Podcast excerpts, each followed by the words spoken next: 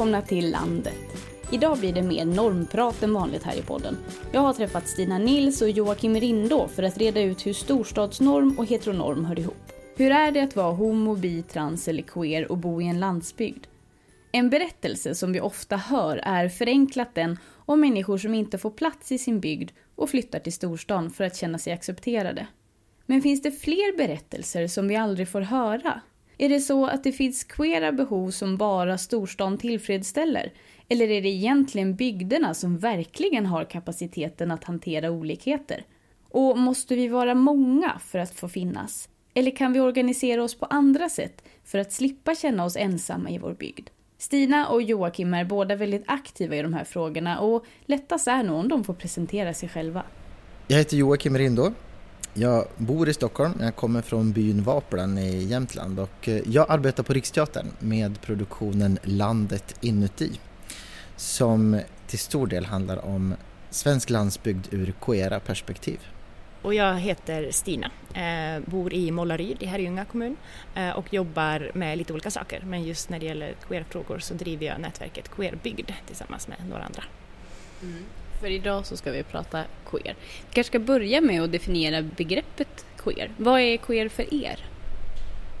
För mig är det något slags samlingsbegrepp eh, kring normkritik och normkreativitet. Um, framförallt med fokus på identitet, sexualitet och så vidare.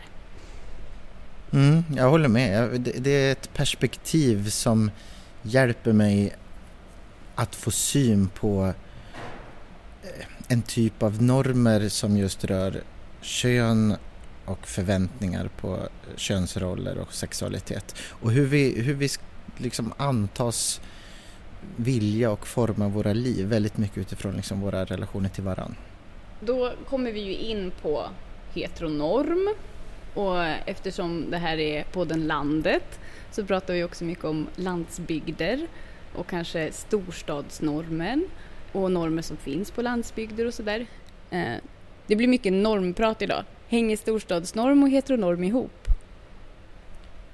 Mitt svar är att det, det gör det absolut. Eh, och de här kopplingarna mellan olika normer kan ju ibland, alltså de, de blir tydliga i berättelserna eh, som, som vi hör och kanske framförallt som vi inte hör. Och jag tänker att en, en berättelse som många hbtq-erfarna eh, har med sig är ju liksom komma ut historien och bristen eller upplevelsen av att det finns historier att spegla sig i. Och där kan man ju säga, tycker jag, att så här, komma ut historien är en väldigt urbant berättad historia som gärna startar i någon typ av landsbygd mm. eh, men som har sin lyckliga final i samband med en förflyttning till staden. Och det är i staden de här liksom queera identiteterna blir till och samlas. Och där ska också allt det där som var en brist på landsbygden fyllas med innehåll. Mm, och det är ju en ganska vanligt berättad historia. Den känner jag mig be bekant med. Den mm. har jag hört förut. Jag har läst om personer som har satt ord på det där och, och vad de saknade och, och, att de flyttade till storstan och då löste sig saker och ting. Liksom. Jag kan ju känna eh, eh, mig själv ibland så här, idag också lite generad över att jag inser att jag, jag har ju också berättat den där historien jättemånga gånger. Det ligger en stark förväntan på att man ska återberätta sin eh, komma ut-story på det sättet också. Och en del av mig kan ju, kan ju hitta så att jo men det finns ju en sån berättelse i mig. Eh, men det finns ju också massa andra sätt att berätta det där. Alltså berätta om en förlust eller berätta om erfarenheter som jag definitivt hade på landsbygden innan jag flyttade till storstan och kanske framför allt som jag skulle ha haft om jag hade stannat. Men vilka berättelser är det vi släpper in? Mm.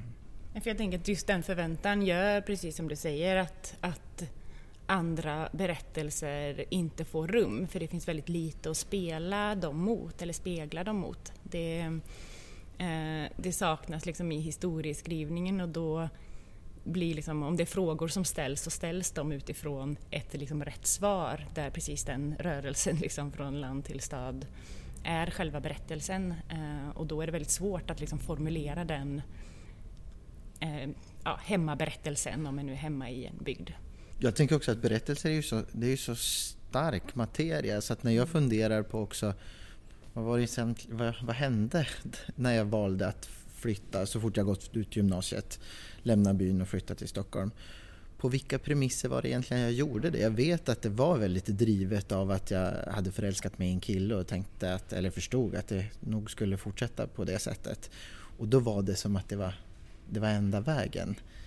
Men den där upplevelsen av den enda vägen, det var ju egentligen, det var ju inte prövad av mig utan det var bara, skulle jag säga, en, en slags inlärd eh, sanning, en påstådd sanning om mm. att så funkar det. Och jag, jag, jag tänker att så här, innan jag kom ut eh, så hade jag liksom en vuxenvärld eller en värld, också bland vänner, liksom, eh, på landsbygden som sa så här, du måste stanna här och det är klart att liksom, eh, det är klart ungdomarna måste stanna här. Och sen så kom jag ut och det vänder. Ja, det är klart man fattar så här, det är klart du ska flytta till stan. Mm, alltså mm, mm. den där, eh, det, ja det är en väldigt stark allmän uppfattning. Det är ju det som vi vill med Landet inuti som vi gör på Riksteatern verkligen stanna upp i. Både den där förlusten som vi själva eh, kan konstatera att liksom, eh, vi har erfarit.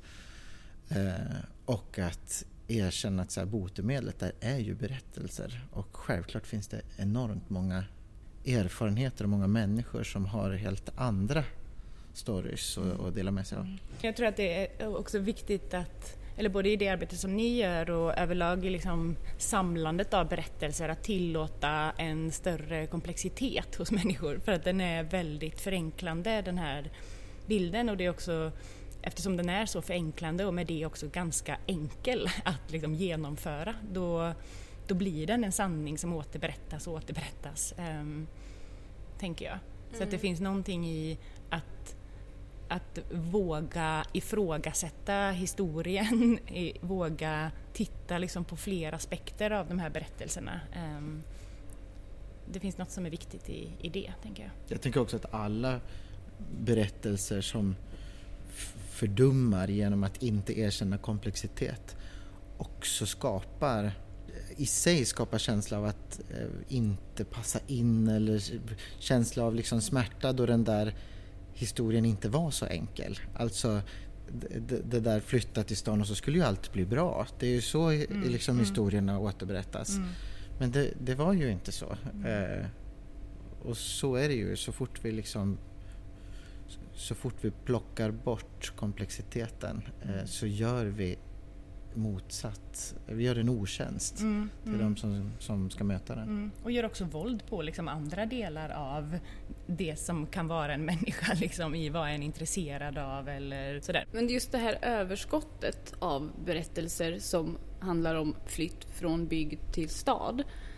Det kan inte också bero på att det, att det är så att stan tillfredsställer de här queera behoven helt enkelt på ett bättre sätt? Jo, det, det, tror jag nog också att det kan vara. Alltså, det, det, även där, apropå komplexitet, man får liksom inte helt förneka den bilden också. Eh, och behoven av communityn där vi också får möjlighet att mötas människor i samma rum och queer som ju också handlar om liksom kropp och sexualitet så är ju det där digitala mötet inte helt tillfredsställande alla gånger utan det är också någonting som, som händer när vi på riktigt ser varandra i ögonen eller tar i varandras kroppar. Mm. Urvalet på människor är ju större i stan. Det är, mm. Det är lättare att träffa folk och bli ja. kär i och... Mm. mm. Och kanske lättare att hitta sin lilla grupp liksom. Om man tänker på att sin lilla grupp ska byggas av likhet eller liksom mm. identiteter som jag på ett liksom mer omedelbart sätt kan spegla mina egna erfarenheter i. Mm. Men det finns ju också en bild, tänker jag, som ju hänger ihop mycket med storstadsnormen, att det, det handlar om många människor, att det behövs någon slags massa. Eller jag tänker på queera communityn som ju definitivt kan bestå av fyra personer. Det är ju inte en, det behöver inte vara ett rum fyllt med 250. Liksom. Utan för det är ju också en, det är också en, en sanning som, som liksom, det behöver vara många, ett, ett utbud liksom som är eh, som är serverat på något sätt. Mm. Som ju kanske inte finns på landsbygden på det sättet. Och en, en, stor sanning om att, så här, att vi ska möta varandra i likhet för det är då mm. vi får härligast. Mm. Alltså det tänker jag är ju en farlig, det är farligt påstående ur många perspektiv. Mm. Eh, och, och, det är definitivt ett påstående där, eh, där vi förlorar massa värdefulla kvaliteter som vi behöver bli bättre på och som vi som människor ju har stora kapaciteter till.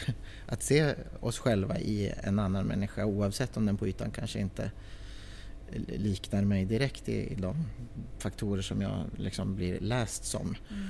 Och där är ju liksom mindre orter och bygemenskaper eh, alltså, där finns det ju verkligen någonting som jag tänker att städerna borde intressera sig mycket, mycket mer för. Mm. Eh, där segregation är kanske det största problemet som både leder till liksom, eh, eller som leder till liksom snarare upplevelse av starka avstånd mm. människor emellan mm. och samhällen som faller isär.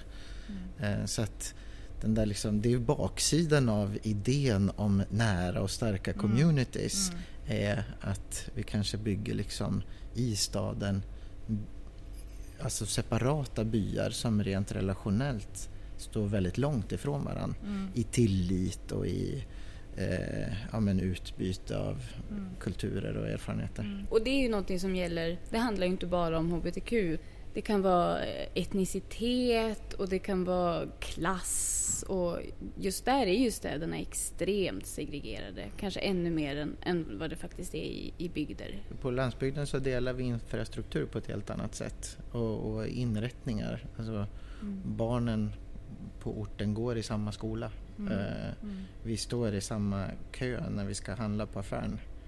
Uh, det finns platser där vi definitivt möts. Mm. När vi, vi behöver mötas i vägföreningen för alla använder vägen. Mm. Jag tycker det spelrummet liksom emellan de, eh, de olika platserna är, eller för mig är det superviktigt att jag har min bas på landsbygden där det finns just det som vi sa nu, liksom en, en ganska stor spridning eh, och inte så mycket av ett liksom självklart queert community eh, i, benämning, i benämningen massor med människor som hänger på ett fik till exempel.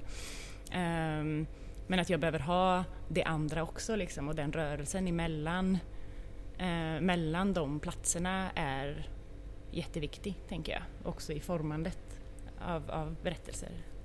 Jag tänker också att det där finns ju, det är ju väldigt hoppfullt att, att tänka på de där olikheterna som en kompetens på landsbygden. Mm. För ur då ett hbtq-perspektiv där kanske det ofta beskrivs som ett problem. Alltså och, att eh, det är en högre grad av homofobi eh, på landsbygden än du behöver möta om du bor i storstaden. Eh, då tänker jag så här, men det där oavsett om det då skulle vara sant eller inte så skulle det inte behöva vara sant. För är det någonstans det finns just en kompetens kring att möta människor som inte är så lik dig själv så är det på landsbygden. Mm. För att det är en del av vardagen på ett mm. helt annat mm. sätt. Mm. Ehm, så det, det, tänker jag att jag håller fast i när jag också tänker utveckling vad det mm. gäller uh, utrymme för queera identiteter på landsbygden.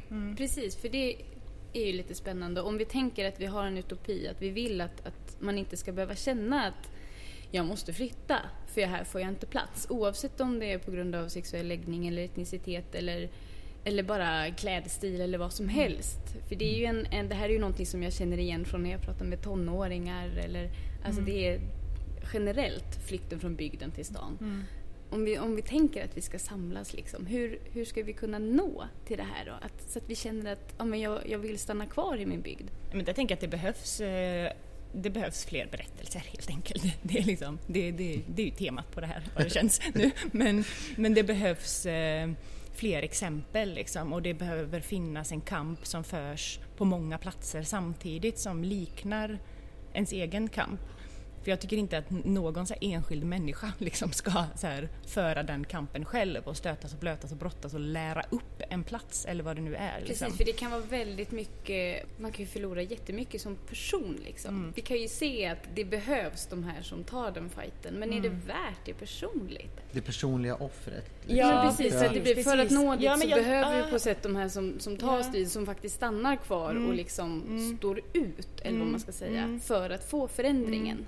Jag tänker det inte som ett offrande eller det handlar ju också om så här, men vad är det jag offrar liksom? Om jag flyttar till stan då offrar jag så otroligt mycket av det som jag vill ha omkring mig och den aktivism som jag vill bedriva. Liksom. Jag kan inte göra det i stan.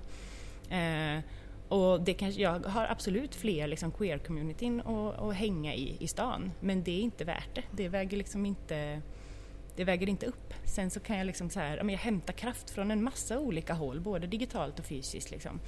Men, eh, men där är väl också en, en sanning liksom i vad det är som får offras på något sätt, eller vad som är tillåtet att kapa från sitt, eh, sitt varande. På något sätt. Ja, kanske att det, jag tänker att det har lite med identitet att göra också, vad man har för vi har ju kanske någon form av prioriteringsordning i identiteten och beroende på vad som är starkast så, Mm. så stannar vi kvar eller å- Mm. lämnar eller, Mm. eller väljer viss typ av, av aktivism Mm. eller Ja, där finns ju också en, en sanning liksom i hur, eh, alltså en sanning inom situationstecken i att just sexualiteten är liksom det primära. Eh, det vet jag att du också pratade om ibland, liksom i det, alltså, det är det som är den första, första identiteten som ska styra eh, vägen liksom. Och då, då görs det såklart våld på alla de andra sakerna liksom. men, men jag tänker inte att det behöver vara en sanning. Jag kanske är fågelskådare i första rum liksom. det är min starkaste identitet. Sen är jag en massa saker under varav en är eh, icke-hetero. Och identiteter också så här, jag tänker att vi vi får liksom inte mm, bygga dem på så sätt att, att eller det får vi väl göra om vi vill göra det, men jag tänker att här, när vi börjar bygga dem på liksom attribut eh, och eh, sammanhang där vi ska liksom vara likadana av, av, av många på samma plats, då har vi också liksom gjort identitetsbygge till någonting som jag tänker också blir ganska platt. Alltså hur jag känner mig och vad jag upplever att jag kan vara även om de enda fyra andra jag delar platsen med är någonting helt annat. Mm, Eh, mm. Det borde också vara en möjlig position tänker jag. Mm. Det är ju på något sätt att vi ska börja tänka lite mindre. Just organisationsmässigt sådär.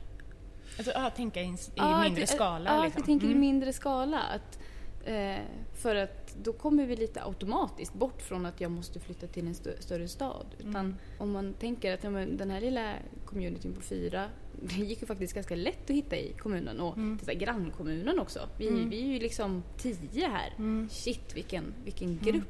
Mm. Alltså att, att, och då kommer vi automatiskt bort från, från den här eh, självklara flykten eller Mm. Mm. vad man ska säga. Ja, för den är, den är spännande, men den sitter ju så himla hårt liksom, i om du ska bilda en förening, om du ska få föreningsstöd. Allting handlar ju om antal där liksom, för att de, där har ju storstadsnormen verkligen satt sin lilla eh, prägel så att säga. Eh, för att det måste vara många för att räknas, du får mer pengar om ni är många och så vidare. Och så, vidare, och så, vidare. så då läggs ju liksom resurserna snett. Så.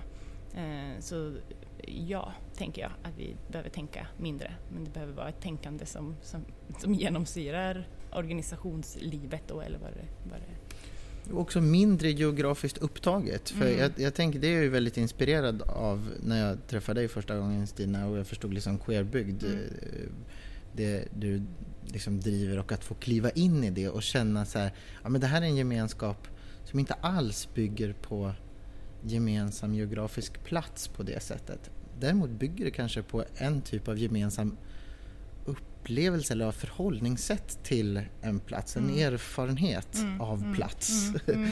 och då kan vi mötas eh, och, och tänka kring det och dela med oss av erfarenheter kring det och i det känna gemenskap. Vi är ju annars väldigt lärda att så här, det är, gemenskapen är knutet till fysiskt utrymme. Liksom. Mm, mm. Byn, orten, skolan, Mm. familjen på samma plats eller så. Eh, och där kan man känna sig, men herregud, hur ska den här liksom, hur länge ska vi kunna åtnjuta den här möjligheten av digital organisering utan att det riktigt tar, för jag tänker så här, det, är ju, det har ju knappt börjat hända liksom. Mm, mm. Eh, och då är det härligt att möta ett nätverk som, som Queerbygd. Mm, Eh, mm. Men jag tänker också det att det handlar om något slags omritande av kartor. Liksom. Eh, att det kan vara det här nätverket och eh, den här typen av liksom arbetssätt. Också det som, som till exempel Unga på landsbygden gör, att det liksom handlar om att, att eh, hitta gemensamma punkter i det här som är vår geografiska, liksom, fysiska, till exempel Sverigekarta då. Men att rita om den, skaka om lite i var går gränserna och hur ser avstånden ut. Ehm. För då får vi också Så. möjlighet att, att höja ehm, höja nivån för samtalet kring en Mm, viss typ mm. av frågor. Ja, och där tänker jag det finns så många av den typen av liksom organisationer också som rör sig eller som har lokala grupper liksom, och som kan spela med varandra på olika sätt. Och jag upplever att det är, det är så otroligt peppande när en märker att det finns någon som gör något liknande eller som tänker i samma spår, Mm. typ exakt samtidigt någon annanstans.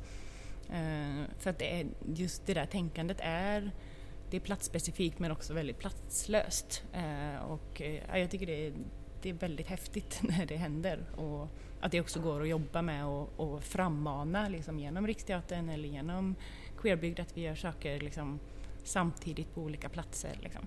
Och känslan av Mm. gemenskap kan ju bli väldigt, väldigt stark då. Jag kan också uppleva att det, det jag känner mig aldrig så ensam som i stora städer. Liksom. Mm. Och det är ju det som många beskriver. När vi har haft workshops med, med Queerbygd så är det många som beskriver det, det som lockelsen med stan. Att det finns en ano- anonymitet och också liksom separatistiska rum. Men just den här anonymiteten, att du liksom försvinner i en massa. Och för mig personligen så blir den en, det blir kaos i så här, jag vet inte vad, hur jag ska förhålla mig till den riktigt. Eh, jag behöver ha uppmärksamhet kanske, eller jag behöver liksom få finnas och vara... Ja.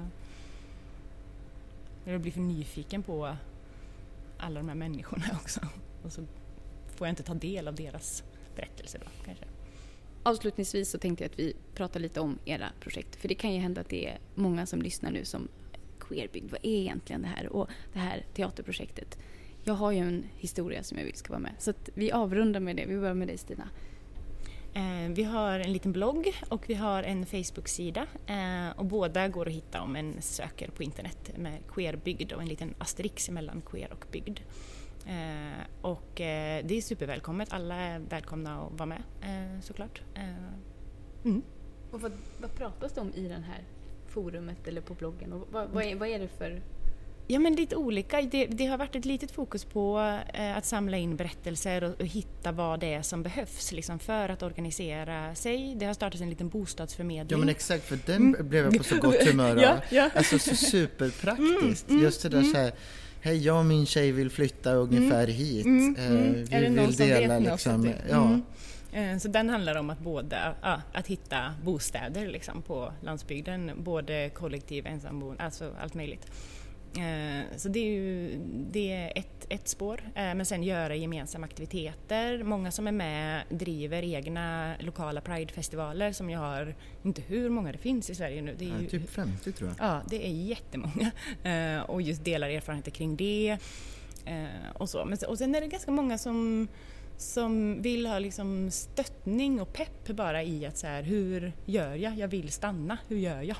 liksom de där som kan vara lite jobbiga samtal. Liksom. Mm, men det finns det ju också vill säga att det, det, det har blivit ganska många små grupper som liksom puttrar på i sina, sina hörn och sen gör vi en del gemensamma aktioner och grejer. Alltså det finns mycket att hämta där om man är intresserad av frågorna. Ja. Man kan välja det som man Ja. passar en just nu. Liksom. Ja, mycket att hämta och mycket att bidra med. Mm. Mm. Och sen har vi landet inuti. Precis, eh, som har sin premiär i mars 2017. Och det kan ju låta långt borta och på ett sätt är det ju det. Men vi har precis dragit igång det stora insamlingsarbete som just kommer handla om att hitta de här berättelserna och människorna med egna erfarenheter. Eh, så att hela nu 2016 så kommer vi åka runt eh, och eh, söka upp de här historierna. Också öppna upp så att man kan liksom skicka in till oss. Vi har en frågeställning till exempel som vi brukar starta med. Fråga så här, har du en plats som du känner att du skulle sakna om du inte längre hade den i din närhet? Med uppmaningen att ta gärna ett kort på en sån plats, eh, lägg ut på Instagram eller Facebook med offentlig delning och tagga med landet inuti. Eh, för då blir det också en, en materia, bilder och eh, de där platserna som vi vet på ett plan står på spel om vi inte lyckas utmana storstadsnormens koppling till identitet på det sätt som vi ju behöver för att slippa eh, vara med om den typen av förluster. Så att vi åker och samlar berättelser och eh, vi fick också, finns också på Facebook, Landet inuti kan man söka på där. Eh, och då har man en grupp där man också kan följa tillblivelsen av föreställningen lite närmare. Den är så spännande med just så här berättelseinsamlingen som för om jag blir tillfrågad att här, ta en bild på en plats, då, ut, då jag gör det ganska normativt. Så.